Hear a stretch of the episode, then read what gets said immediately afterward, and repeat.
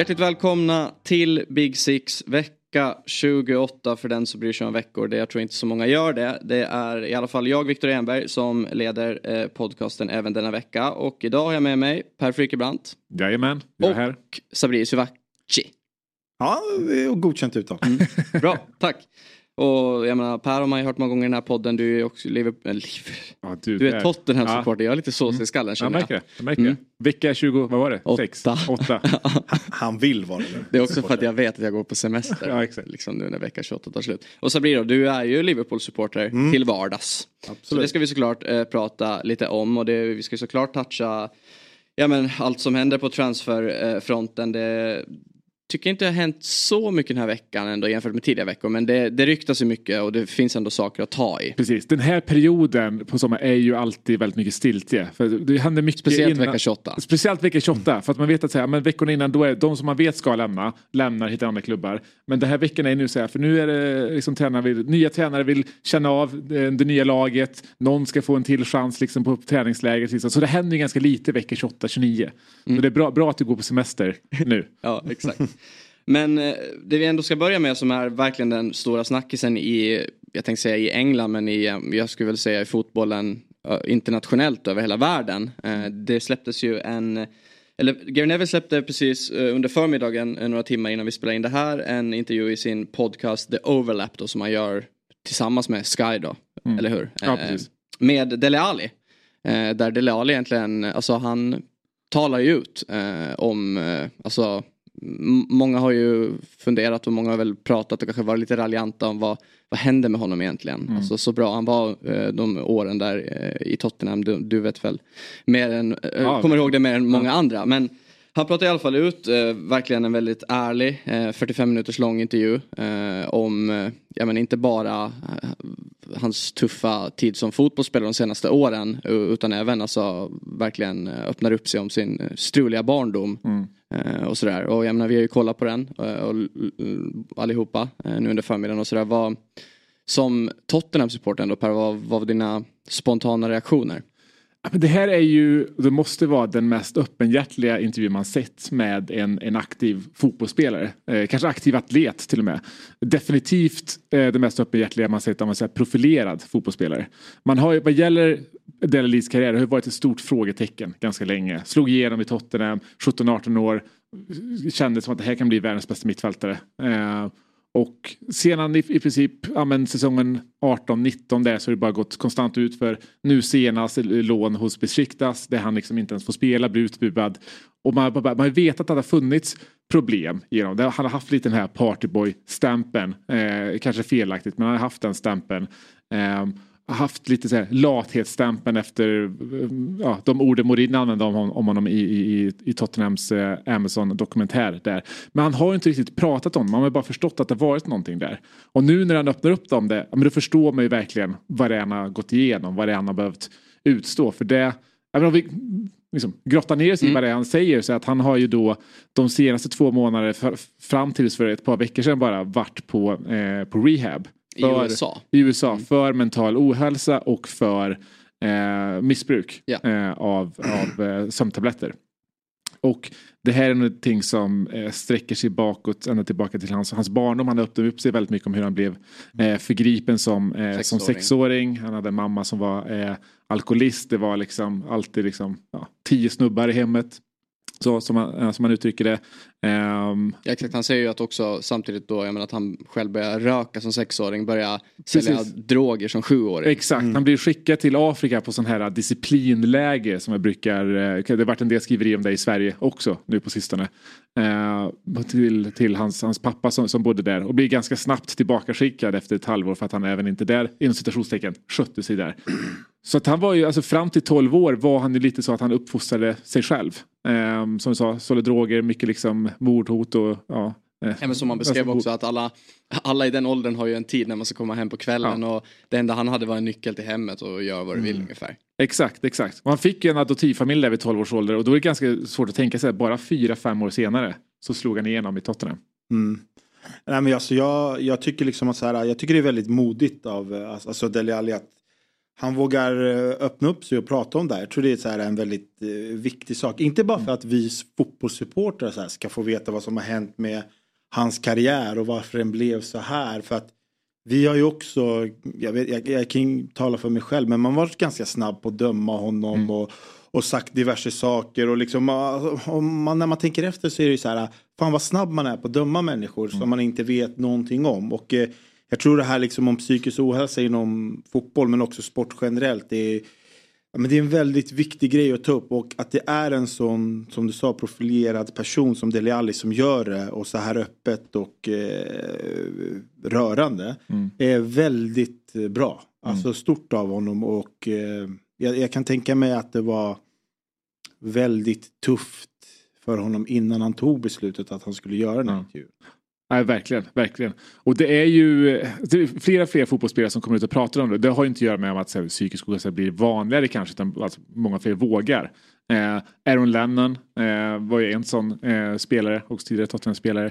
Jadon Sancho är en sån spelare som det pratas mycket om i de här termerna också. Han har inte varit ute och pratat om det generellt, eh, eller han är officiellt. Men det visar ju på liksom hur, hur liksom framträdande den här problematiken ändå ändå är. Och vi hade lite diskussion i Fotbollsmorgon här nu i veckan kring liksom ledarskap kring den nya generationens fotbollsspelare. Lite så här, mjuka tränare, mjuka ledarstilar eh, som liksom ser lite mer till individen och de enskilda behoven versus de här lite, lite hårda tränare som är lite mer kravställande och sådär. Och även det pratar han lite om i, i den här intervjun. Han lyfter ju Eh, han kommer till Tottenham, där precis, Pochettino har precis kommit. Ja. Eh, och Pochettino sån, sån tränare som enligt han där då, eh, lägger mycket mer, mer vikt vid liksom, personen, vid individen. Han är liksom, eh, han är på något sätt en mänsklig mentor Ja. först och sen så fotbollstränare sen. Och så jämför med, med, med Mourinho som så det första Mourinho gör i princip är att eh, publikt kalla honom för lat. Eh, och hur det är liksom de två olika, att komma till, alltså som ung fotbollsspelare och liksom haft den historien han haft, jag menar, han har inte haft en barndom. Eh, han hade bara egentligen tre trygga år i sitt liv innan han kom till Tottenham. Och att då komma och ha en, en, en, en Pochettino som liksom på något sätt ger honom ja, men fundamentet att, att våga, att inte liksom ha pressen på sig hela tiden. Kontra en Mourinho som ja, men ganska felaktigt pekar ut någon som lat det första han gör. Du, du var ju inne på det, alltså den här pressen och stressen man får utstå som liksom, eh, idrottsstjärna. Och det som, som vi, man ska säga vi normala personer med supporter, vi tänker väl bara, "Ah, vi, det är alltid den här, ja men du tjänar så jävla mycket pengar, du ska ju inte klaga. Men de genomgår ju så mycket, mycket mer än, än, än bara det. Så jag kan tänka mig liksom, stressen och pressen blir extra när man är en offentlig person. För det blir liksom, du får en press och stress från människor du inte känner. Men som ändå förväntar sig så sjukt mycket av dig. Ehm, så ja, alltså när, när man hör han i den här intervjun så får man ju en mer förståelse och acceptans av varför det Verkligen. har gått som det har gått och, och att det inte bara är liksom den här bortkastade talangen som man har kallat honom. Liksom. Nej, precis. Och man, alltså, det är absolut inte så att han skuldbelägger Mourinho på någonting. På något Alltså, han så. Han, Om man ska vara ärlig så han skuldbelägger ju faktiskt ingen alls. Nej, nej, han, så här, han är så här, jag förs- när han väl liksom kommit in i sitt missbruk och just nu haft sin rehabperiod, då säger han så här, men jag förstår vad min mamma gick igenom. Ja. Eh, jag är inte arg på henne på det sättet. Och så här, Gary Neville frågar ju så här, men, ja, men kring, ja, det är ju klart att alla tidningar gjorde väldigt mycket kring honom. Han hade fester och det, han blev kallad lat. Och Jag menar, så här, han var nästan så här, men jag förstår media också att de går efter en. Och, jag menar, och samma sak som mot Mourinho. Alltså han, ja. Jag, jag Känn- tror att det är en process som han har gått igenom. Jag tror inte att han alltid har haft den förståelsen utan nu när han har väl öppnat upp sig det är för att han kanske, varför han mår bättre är för att han har fått den förståelsen. Varför vissa människor beter sig på ett visst sätt. Jag tror den biten har varit jättejobbig för honom.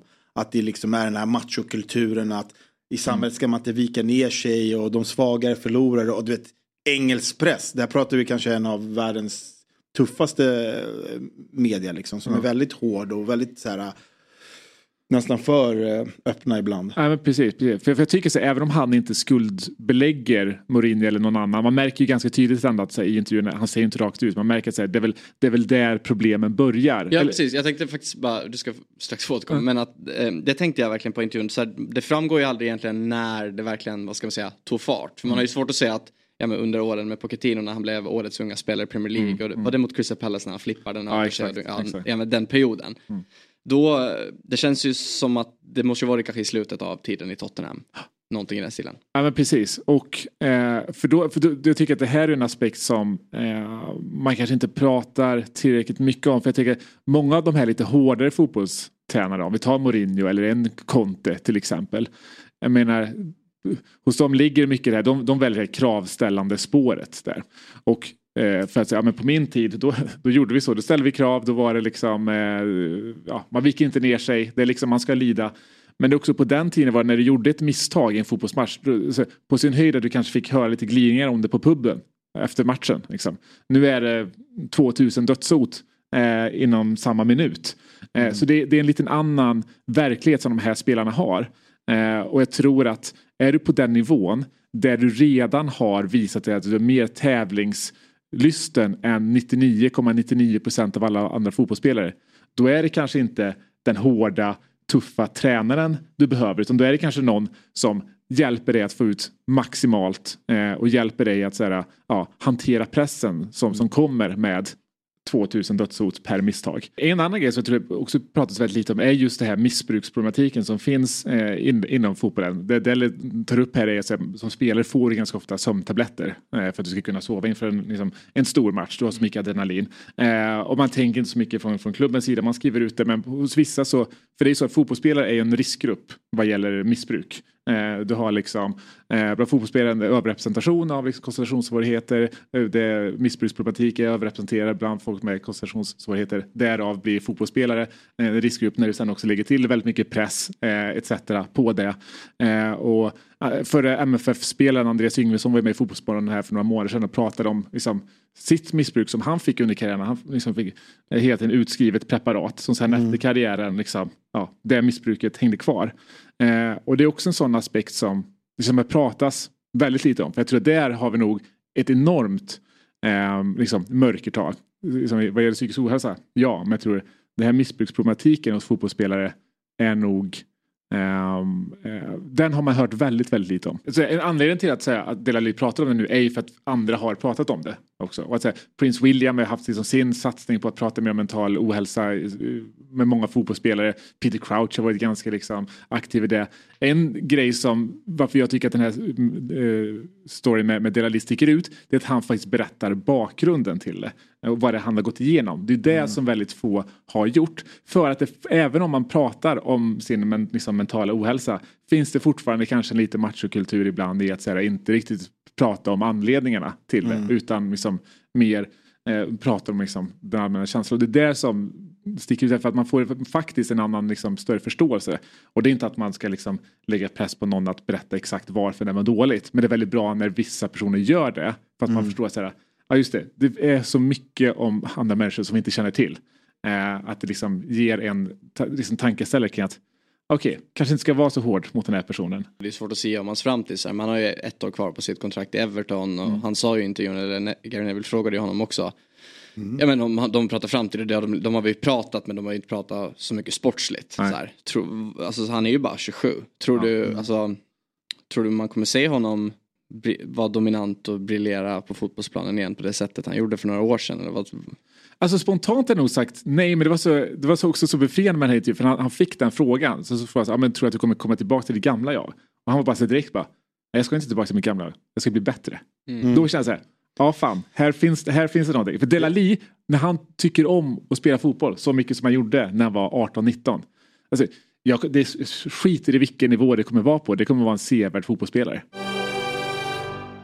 Ja, men hörni, vi har ju pratat eh, om hela intervjun eh, kring Dele Alli från eh, vårt perspektiv som också är media får man säga ändå. Och jag menar, vi är ju väldigt långt ifrån att vara inom elitfotbollen och veta en, på ett sätt... L- lite det för till. långt ifrån, Ja, men precis. Det tyvärr. är ändå svårt att ha det perspektivet. Men då tänkte vi så här att det är ändå väldigt intressant att få höra någon inom fotbollen som också har haft tyngre perioder i sin karriär. Det har ju de flesta eh, vid något tillfälle. Så därför har vi nu med oss eh, vår eh, goda vän här eh, som eh, flytt, flyttat från den svenska fotbollen ner, ner till Thailand. Kanske är thailändsk fotbolls bästa försvarare just nu. Absolut. I alla fall om du frågar mig. Utan tvekan. Sean Sabetkar. Välkommen till eh, Big Six. Tack så mycket grabbar. Du har kollat på eh, hela den här intervjun. Eh, vad, bara så här spontant, vad, vad känner du av att se på den?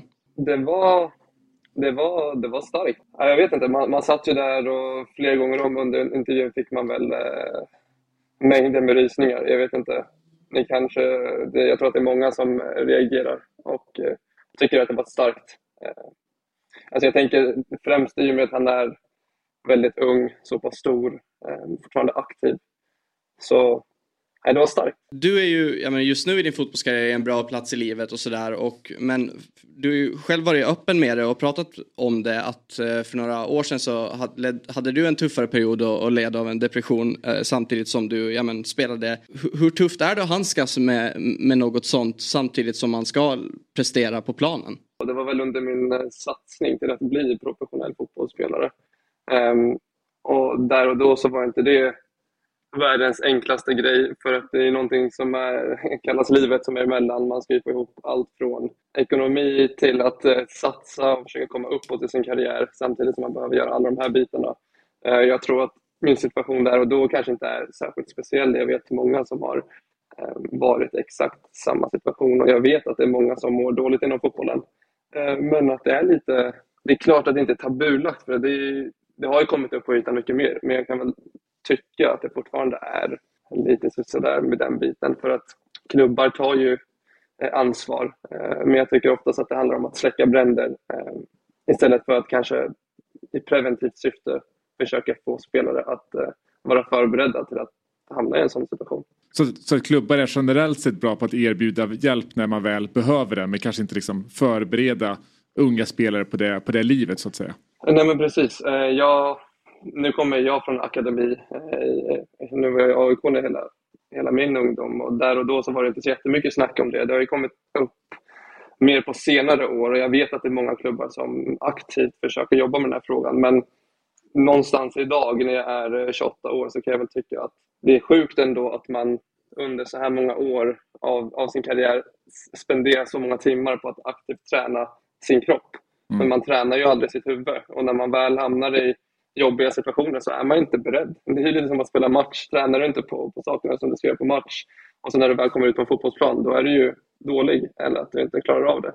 Och Det är samma sak med den här biten. Man, jag tycker att, att man som aktiv fotbollsspelare tränar lite, för lite eh, vad gäller mentalt, huvudet och att liksom förbereda, förbereda sig inför jobbiga situationer. Hur gick du tillväga då? Alltså, hur, sökte du hjälp eller vad gjorde du?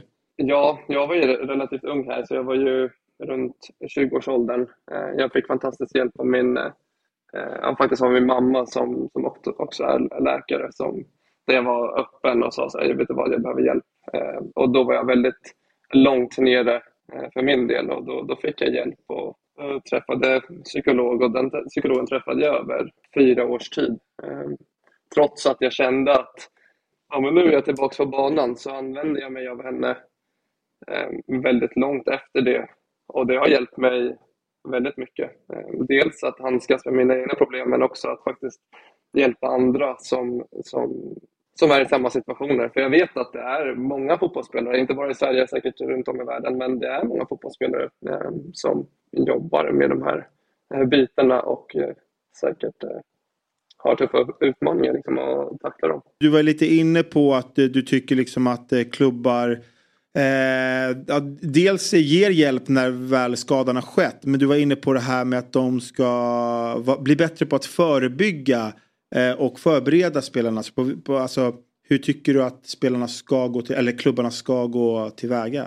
Nej, men jag tycker absolut att det ska vara en del av, eh, av en verksamhet och det ska vara på daglig basis. Inte så att när du hamnar i en dålig situation eller en så dålig matchform, ja men vi torskar fem raka matcher då sätter man in en idrottspsykolog eller en psykologisk rådgivare. Alltså jag tycker inte det är riktigt så man ska...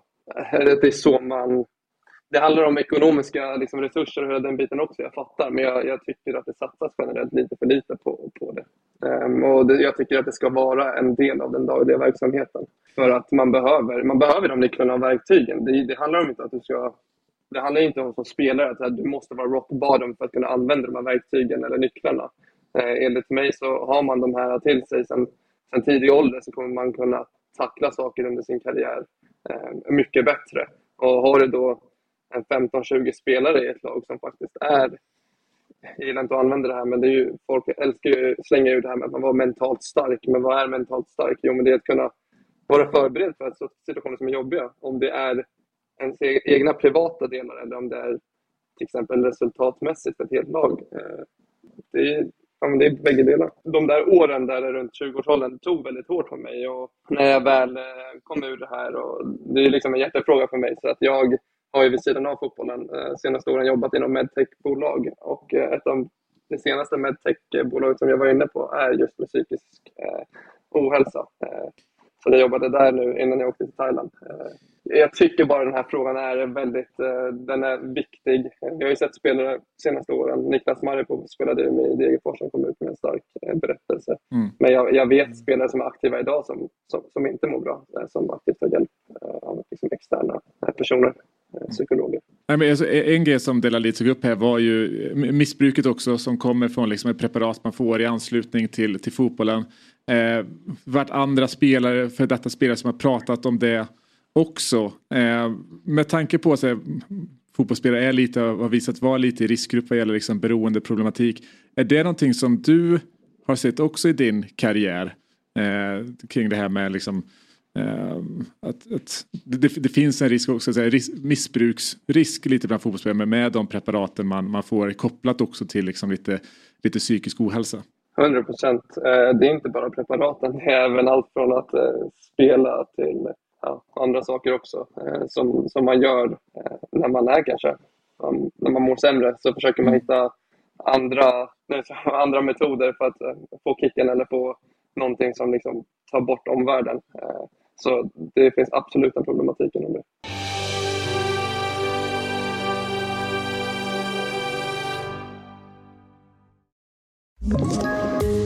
Poddtips från Podplay. I fallen jag aldrig glömmer djupdyker Hasse Aro i arbetet bakom några av Sveriges mest uppseendeväckande brottsutredningar. Går vi in med hemlig telefonavlyssning och, och då upplever vi att vi får en total förändring av hans beteende. Vad är det som händer nu? Vem är det som läcker? Och så säger han att jag är kriminell, jag har varit kriminell i hela mitt liv men att mörda ett barn, där går min gräns. Nya säsongen av Fallen jag aldrig glömmer på Podplay.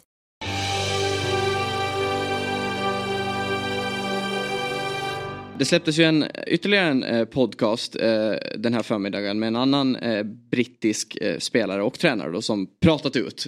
Och det är ju Frank Lampard Per i podcasten Diary of a CEO. Mm. En och en halv timme lång. Du har han ta del lite av den. Var... Exakt. Det har varit, varit en förmiddag här, så lite så Inception. För vi är en podd som pratar om vad det pratas om i andra poddar, poddar idag.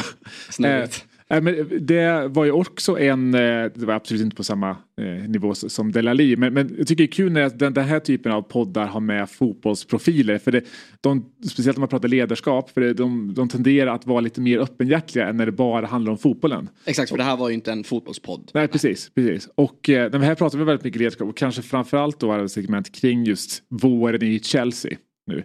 Eh, vilket ju Lampard kommer in i eh, mars någonting. Någonting sånt var ja. det. Mm. Eh, och eh, eh, gav väl lite sin syn på vad det var som gick så snett i det omklädningsrummet. Eh, och var väl eh, under bordet lite syrliga passningar till, till Bowley och hur liksom han har eh, sin syn på att bygga, bygga trupper. Men det var väldigt uppenbart att så här, det går inte, man lyssnar på det, det går inte, så här, problematiken är alltså du har 36 spelare i truppen.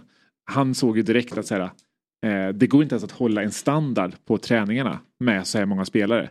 För att man har oftast en kärntrupp på liksom, eller kärnlag på 16 spelare ja. som liksom mm. konkurrerar om de här 11 platserna. Sen så har du några till. Här hade du kanske 30 spelare som konkurrerar om 11 platser. Och eh, hur liksom låg standarden var på träningarna var någonting som liksom verkligen stack ut från dem. Man såg liksom, ja, mer eller mindre så fort de åkte ut mot Real att så här, det här kommer ju vara en transportsträcka resten av, eh, resten av våren. Eh, och eh, nu är väl, alltså, när vi satt i våras och pratade Chelsea då pratade man om att så här, gud hur många spelare har de inte? Nu är det tvärtom. Nu, nu känns det som, vad, vad har de för spelare? Det jag har ingen aning om. har de någon kvar? Nej men om man ska säga om det, vilken startelva de kommer starta med första Premier League-matchen. Då har man ju svårt att pricka ut elva gubbar sådär. Ja, verkligen. Eh, Och speciellt om de ska gå till typ fyrbackslinje, ska vara, ska vara en liksom, Thiago Silva i en fyrbackslinje. Svårt att se att det skulle Ja, men det ska ändå bli intressant att följa eh, Pochettino och, ja. och, och, hans fotboll. Han verkar ändå ha ganska mycket struktur och han skulle, jag tror liksom att han kan göra bra saker i Chelsea.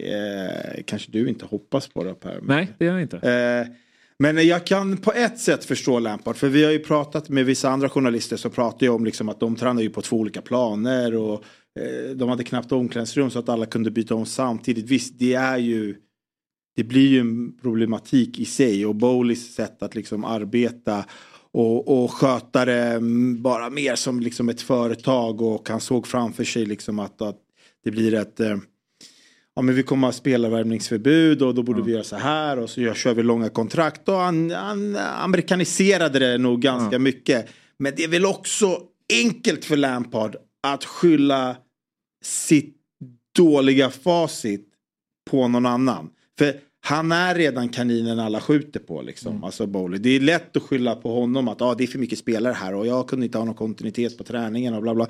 Men samtidigt, du, du är ju en usel tränare. Alltså det är där jag landar. Jag mm. tycker inte att Lampard är bra överhuvudtaget. Eh...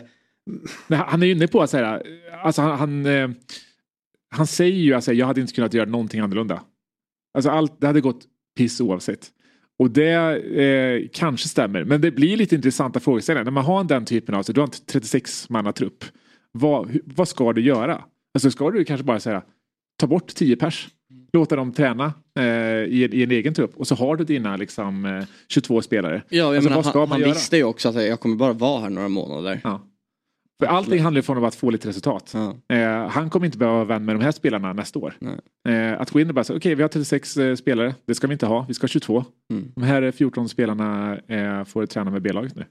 Sa han, eh, fick han frågan om anledningen varför han tog, ens tog det här uppdraget? För det var ju ett så dömt att misslyckas. Ja, eh, och, och, det fanns ju ingenting att rädda. Nej, och det enklaste var, var ju bara hjärta. Ja. Liksom, från hans sida. Eh, och eh, man märkte väl lite ånger mellan, mellan raderna eh, på, på det beslutet eh, också. Men jag kan säga, det, det, det, det är inget liksom inget bombmaterial så, men är man, är man Chelsea-supporter så kan det vara en väldigt intressant eh, eh, podcast eh, att lyssna på för att få lite mer inblick i hur eh, det ser ut bakom kulisserna i Chelsea just nu. Eller har sett ut i alla fall under våren. Manchester United inledde säsongen igår. Spelade mot Leeds i Norge. Det blev, ja. slutade 2-0. Uh, eh, jag kollade en del av matchen, främst egentligen kollade jag första halvlek för att det, där var det ju ändå en elva med några uh, A-lagsspelare om man säger så. Andra halvleken skickade ju Ten Hag bara ut uh, juniorer. Och det kan ju såklart vara intressant att se men så här från mitt perspektiv och det intresse som lockade mig var ju såklart att Mason Mount startade i matchen. Mm. Och, och, spelade första halvleken och Ja men alltså han var, han var bra, han kändes vara på spelhumör, frisk fläkten då. Alltså slå, han hade väldigt många fina alltså, djupledsbollar, passningar, aktioner. Han hade, var ganska nära att göra ett ganska snyggt mål också från distans när han lobbade den. Mm.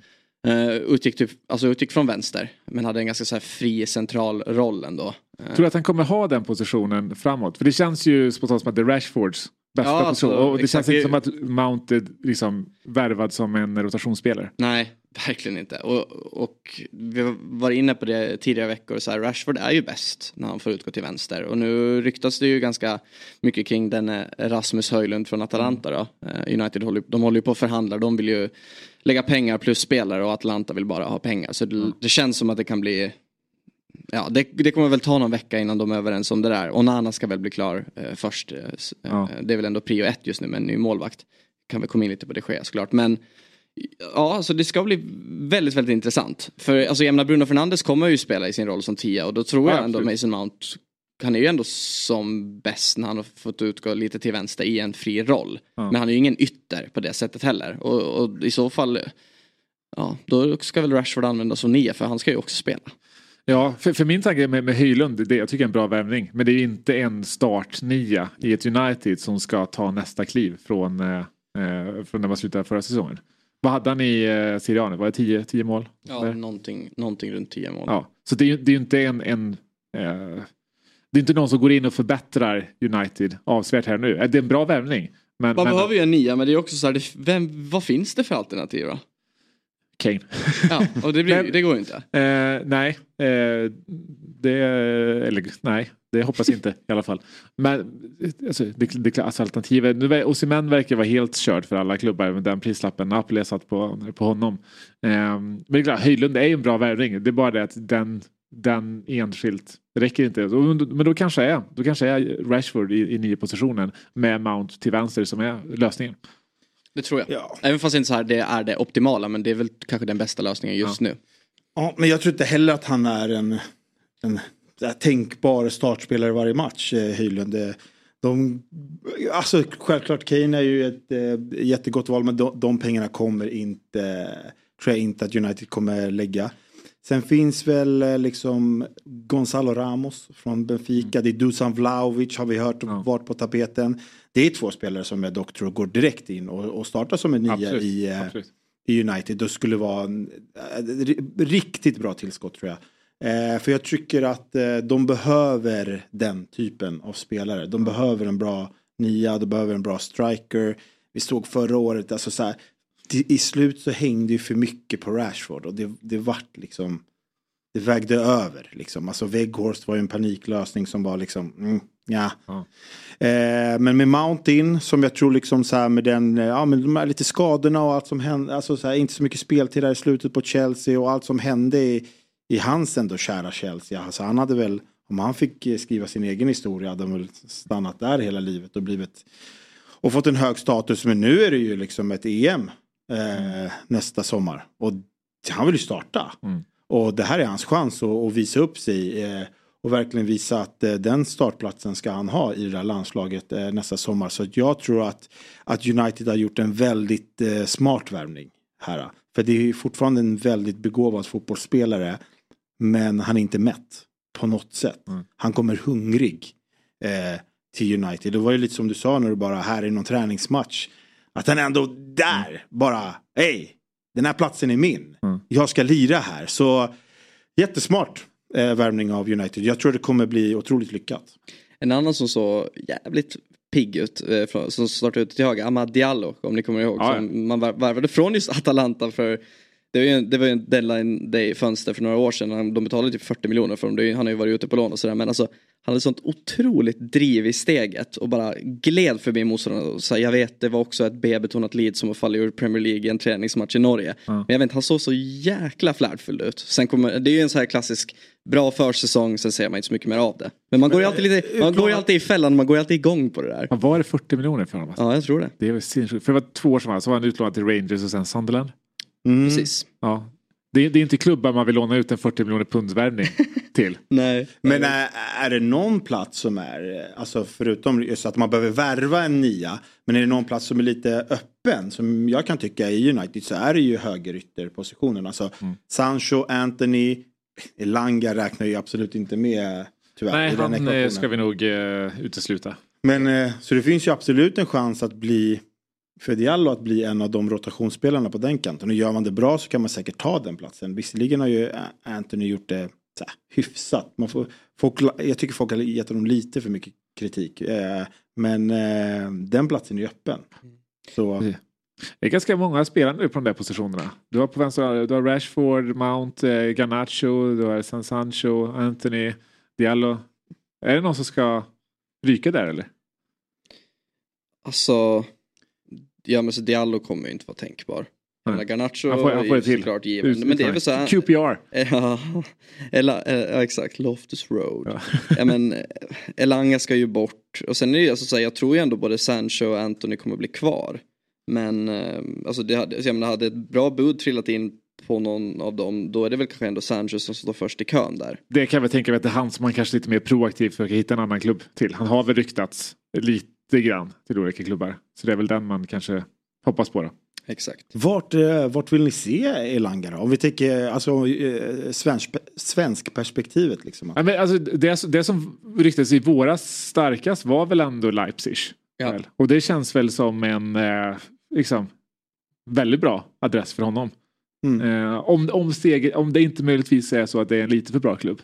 Ja, Jag gillar ändå tanken med tyska ligan. Ja. Alltså de spelar ju väldigt mycket omställningsfotboll där och det är ju han faktiskt väldigt bra på. Eh, han kan ligga på rulle där och eh, jag tror att eh, han, eh, han skulle göra sig gott i Mm. Bundesliga. Eh, ingen eh, spelare för Bayern München men där bakom liksom att Ja. spela i någon av liksom om vi pratar Dortmund, Leverkusen, Frankfurt, Leipzig. Det tror jag absolut att han eh, kan gå in och göra det väldigt, väldigt bra. Det är så svårt det där med spelare som kommer upp ur akademin och får bara en sån här superstart och gör några mål och eh, ja men blir så jäkla i rampljuset. Mm. Alltså hade han kommit från en sån mittenklubb i Tyskland eller liknande då hade man, alltså så nu är han ju svensk så då vet man ju vem han är såklart. Men annars hade man ju, alltså annars hade det ju bara varit en ung spelare i mängden. Ja, absolut. Ska, ska man kolla liksom hyfsat nyktert på det så är det liksom, ska det inte vara någon diskussion om att eh, United borde kanske ha gjort sig av med honom redan i fjol. Egentligen. Att det inte riktigt fanns någon, någon real, realistisk möjlighet att han skulle få speciellt många minuter. Eh, och så med, med, med det sagt så är det så här, skulle det bli ett Leipzig hade det varit liksom, fortfarande en kanonklubb för, för honom. För att säga, ja, vi kanske lyfter honom lite väl mycket som svensk. Men vi å andra sidan har vi sett i landslagströjan, liksom han har för, eh, han har gjort det bra där eh, också så att säga. Uh, ja, jag tror, de har ju Tysk, gjort- Tyskland tror jag De har ju också gjort sig av med både Nkunku och Exakt. Dominik Z- Z- ska man säga, Z- Szoboszlai. Szoboszlai, precis. Eh, så det finns ju utrymme. Mm. Men apropå, vi snackar lite nior. En nia som typ pratas en del om och ändå inte typ. Men Romelu Lukaku. Jaha. Nu, det senaste är ju att Inter ändå ska kommit med ett bud nu till Chelsea på runt 30 miljoner euro. Ja, Alltså vad hade man gjort, alltså, vad hade man gjort som Chelsea? Det känns ju, det känns ju verkligen inte som att det är på tal att han ens ingår i, i planerna där. Men man betalade ju också, vad var det, 120 miljoner euro för honom för ett år sedan. Ja exakt. Eller ja, två, två år sedan blir det, två år sedan. Eh, men det är fortfarande sjukt att det bara är två år sedan. Ja. Det känns som att han gick tillbaka till Chelsea för säga, fem år sedan. Han har varit med i så otroligt många stora övergångar. United betalade väl så här 75 miljoner pund för honom. Chelsea, eh, Inter betalade väl ganska samma när de värvade honom första vevan från United. Säljer honom för 120 och sen tillbaks. Och jag menar, Everton betalade väl typ 30 från Chelsea back in the day. Ja, det Ja. Många miljoner om man slår ihop dem där. Det, det är många miljoner. Men alltså, det, han har absolut inte en plats i, i, i det här Chelsea. Alltså med Pochettino. Jag kan inte tänka mig en nummer nio som är längre ifrån vad Pochettino brukar vilja ha än, än, än Lukaku. Men det är också så med, med det här 30 miljoner pund eller eurobudet. Ja, om han gick till eh, Chelsea för två år sedan för 120 miljoner pund. Eh, avbetalning då på, eh, vad blir det? Eh, vad blir det? Säg 22 miljoner Per euro per år. Mm. Eh, då har du alltså, vad är det kvar att betala då? Det är liksom eh, 75 miljoner på det. Att då lägga ett bud på 30 miljoner euro. Det är, en, eh, det är ganska, det här har visat sig bli en väldigt bra deal för Inter. Ja, det får man lugnt säga.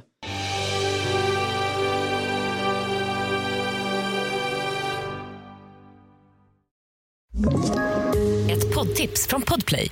I podden Något Kaiko garanterar östgötarna Brutti och jag, Davva, dig en stor dos skratt. Där följer jag pladask för köttätandet igen. Man är lite som en jävla vampyr. Man har fått lite blodsmak och då måste man ha mer. Udda spaningar, fängslande anekdoter och en och annan arg rant. Jag måste ha mitt kaffe på morgonen för annars är jag ingen trevlig människa. Då är du ingen trevlig människa, punkt. Något Kaiko, hör du på Podplay. Därför är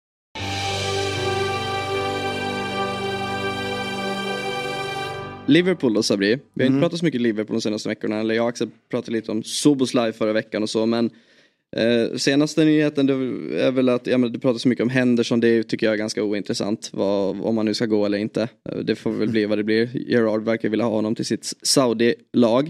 Men eh, Firm, eh, Firmino har ju också lämnat och eh, hans nummer blev ju for grabs. Så det är, nummer nian är ju ny i klubben nu. Det är ju David Nunez som tar över den. Mm, han har mycket att leva upp till om man ska ha det där numret. Höll jag på att säga. Eh, Blir det hans år?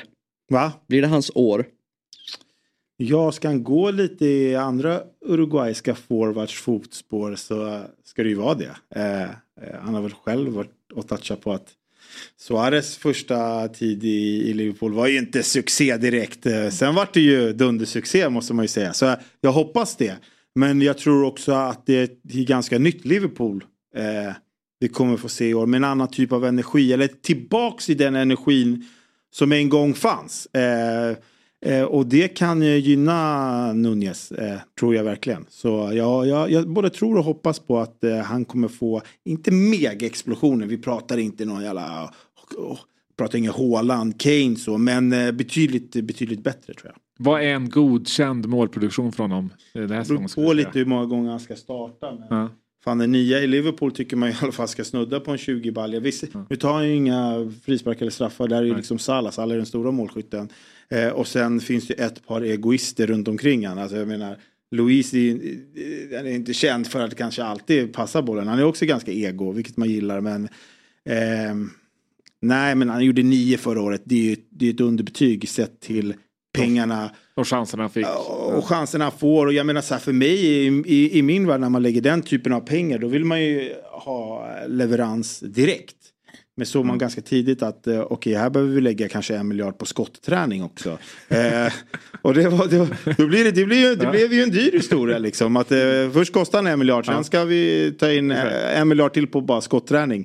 Eh, så, vi hoppas att de har utnyttjat det Ja. till, till nu. Men eh, De har kört här nere söder om Söder, var Anders Svenssons eh, Tocka-läger. Just det. Men, eh, ja, men 18 plus måste han göra. 18 plus. Var, var, var ser du alltså, så här Liverpool just nu? Om man, om, man, om man ska gå tillbaka ett år i tiden, om man satt och pratade inför säsongen, då var det ju ändå ja, men Liverpool och City som var titelkandidaterna. Alltså, Mm. jag menar, det var ju ingen som nämnde något annat lag, vill jag minnas. Nej. Hur, eh, v- v- var ser du Liverpool just nu? Alltså inför säsongen, det kommer ju såklart hända, eller det finns ju chans att det händer mycket saker ännu men liksom. Mm. Jag ser oss absolut som topp fyra. Eh, jag ser oss, eh, man vill ju säga titelkandidat men där tror jag liksom att eh, det, det- blir för svårt i år kanske att utmana City.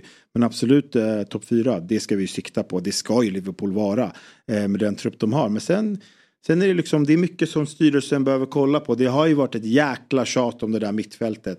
Men jag tycker liksom att vi behöver renovera lite i backlinjen också.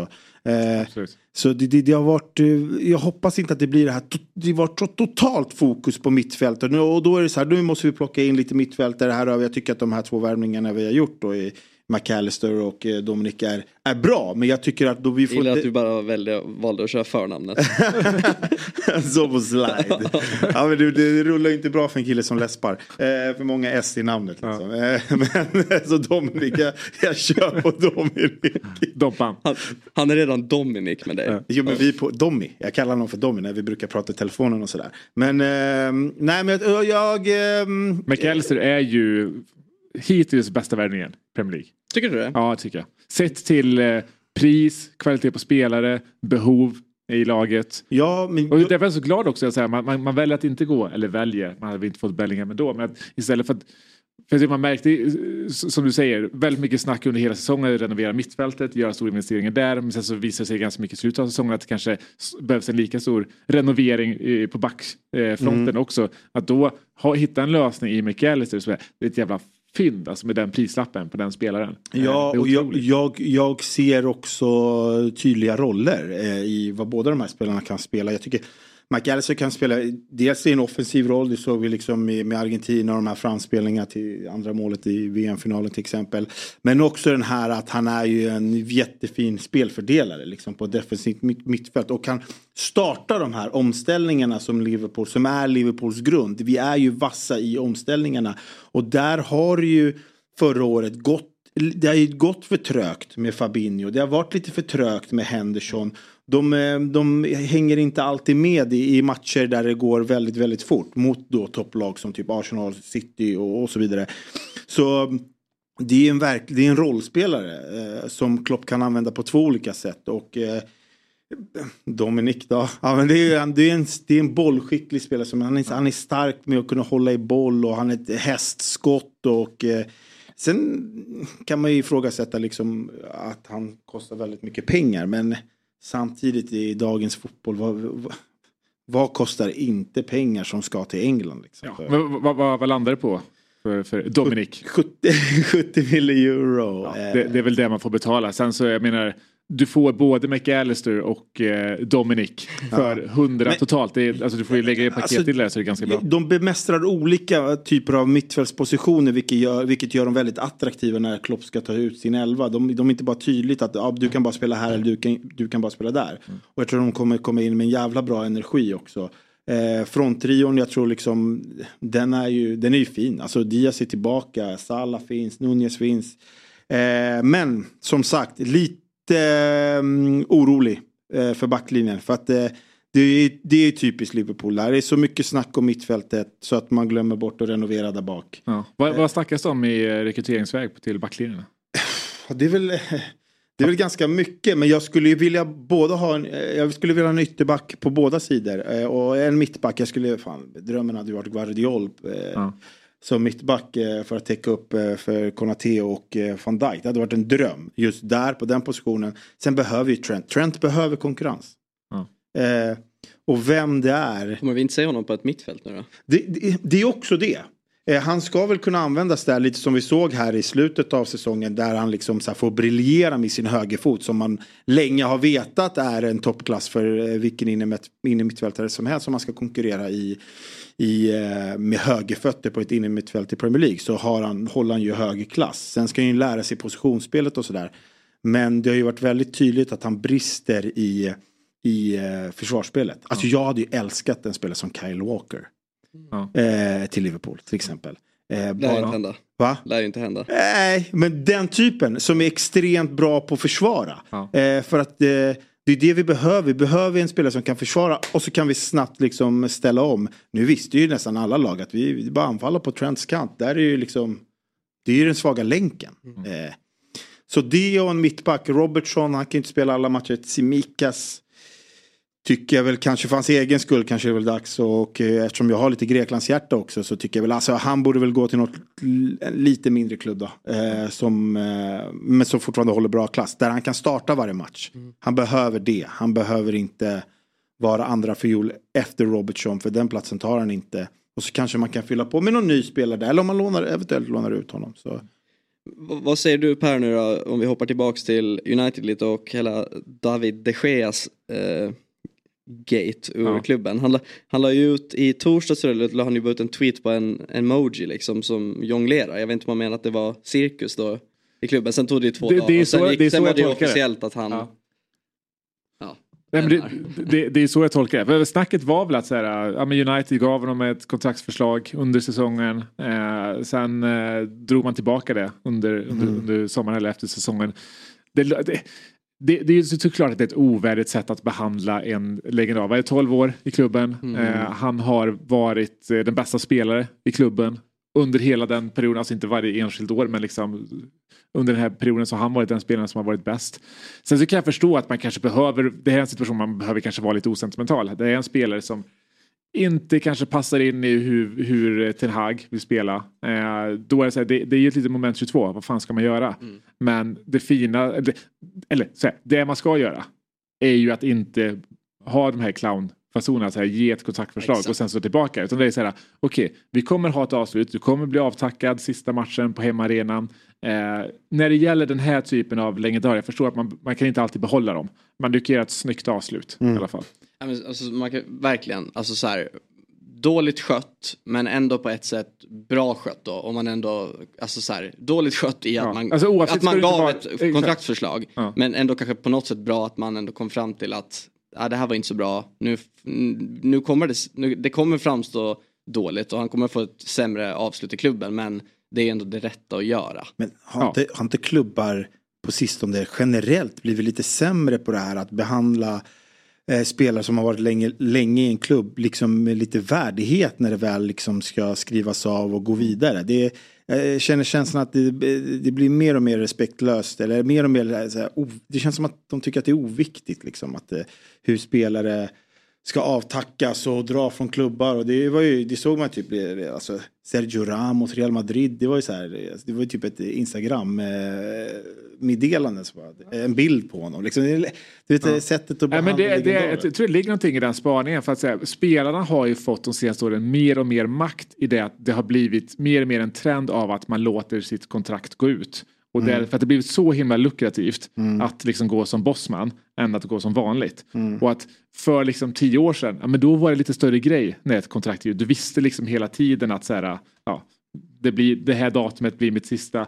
Nu när det är lite vanligare att man låter sina kontrakt löpa ut, Ja. då blir det lite inflation i att tacka av spelare. Då blir det liksom inte riktigt samma sak. Plus att här, ja, ibland kan det vara att man är inte helt säker på att man kommer lämna. Alltså ta om, om liksom, eh, tio månader, eh, i början av maj, eh, Keynes kontrakt går ut. Man har liksom inte hört någonting om en kontraktsförlängning. Hur ska man då? Liksom, det, det kommer ju vara så.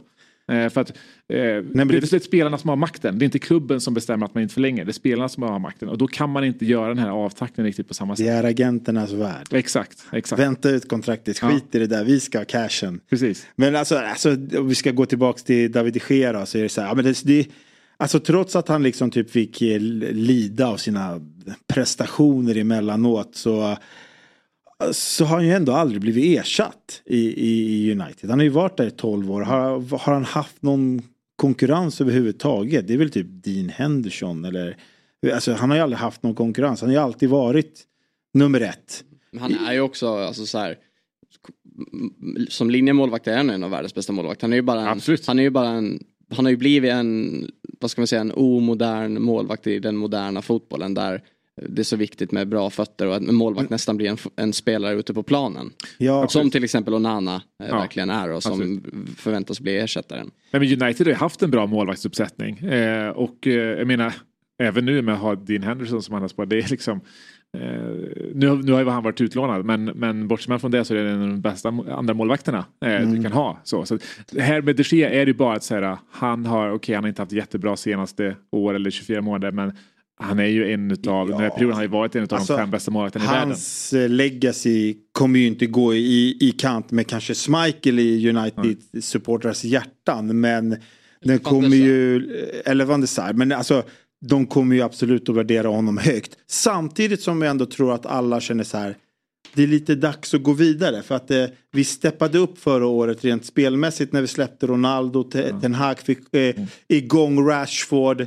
Eh, och och Mar- eh, Martinez kom in i försvaret och höjde upp standarden där. Så jag tror att ändå Uniteds supporter känner att så här, den här lilla renoveringen som är på gång, ja då är det också dags för Henderson eller för eh, de Gea att, eh, ser du jag vill bara ha bort Henderson från Liverpool. eh, dags för de Gea också flytta på sig. Även om jag, liksom, jag tror att Uniteds supportrar liksom älskar honom för allt han har gjort för klubben. Så det, det är dags att gå vidare. Blir det någon testimonial? Nej, jag tror liksom inte. Alltså sånt är också lite blaj va? Ja det känns som att det gör man inte. Nej, det känns också lite passé på något vis. Ja. Men mina herrar, vi ska runda av. Ja. Tack för idag. Tusen tack. Trevligt att sitta med er. Verkligen. Detsamma. Denna vecka 28. Ja. Ja. Du får ha en trevlig semester. Det kommer inte hända så mycket på Silly-fronten nästa vecka. Exakt. Nej, då är det ju vecka 29, det är ju Ja, Stockholmsveckan. Exakt. Ja, det exakt. också, ja. ja, och eh, som vanligt tack till alla er eh, som har lyssnat. Big Six är klart tillbaks eh, nästa vecka igen. Ha det fint.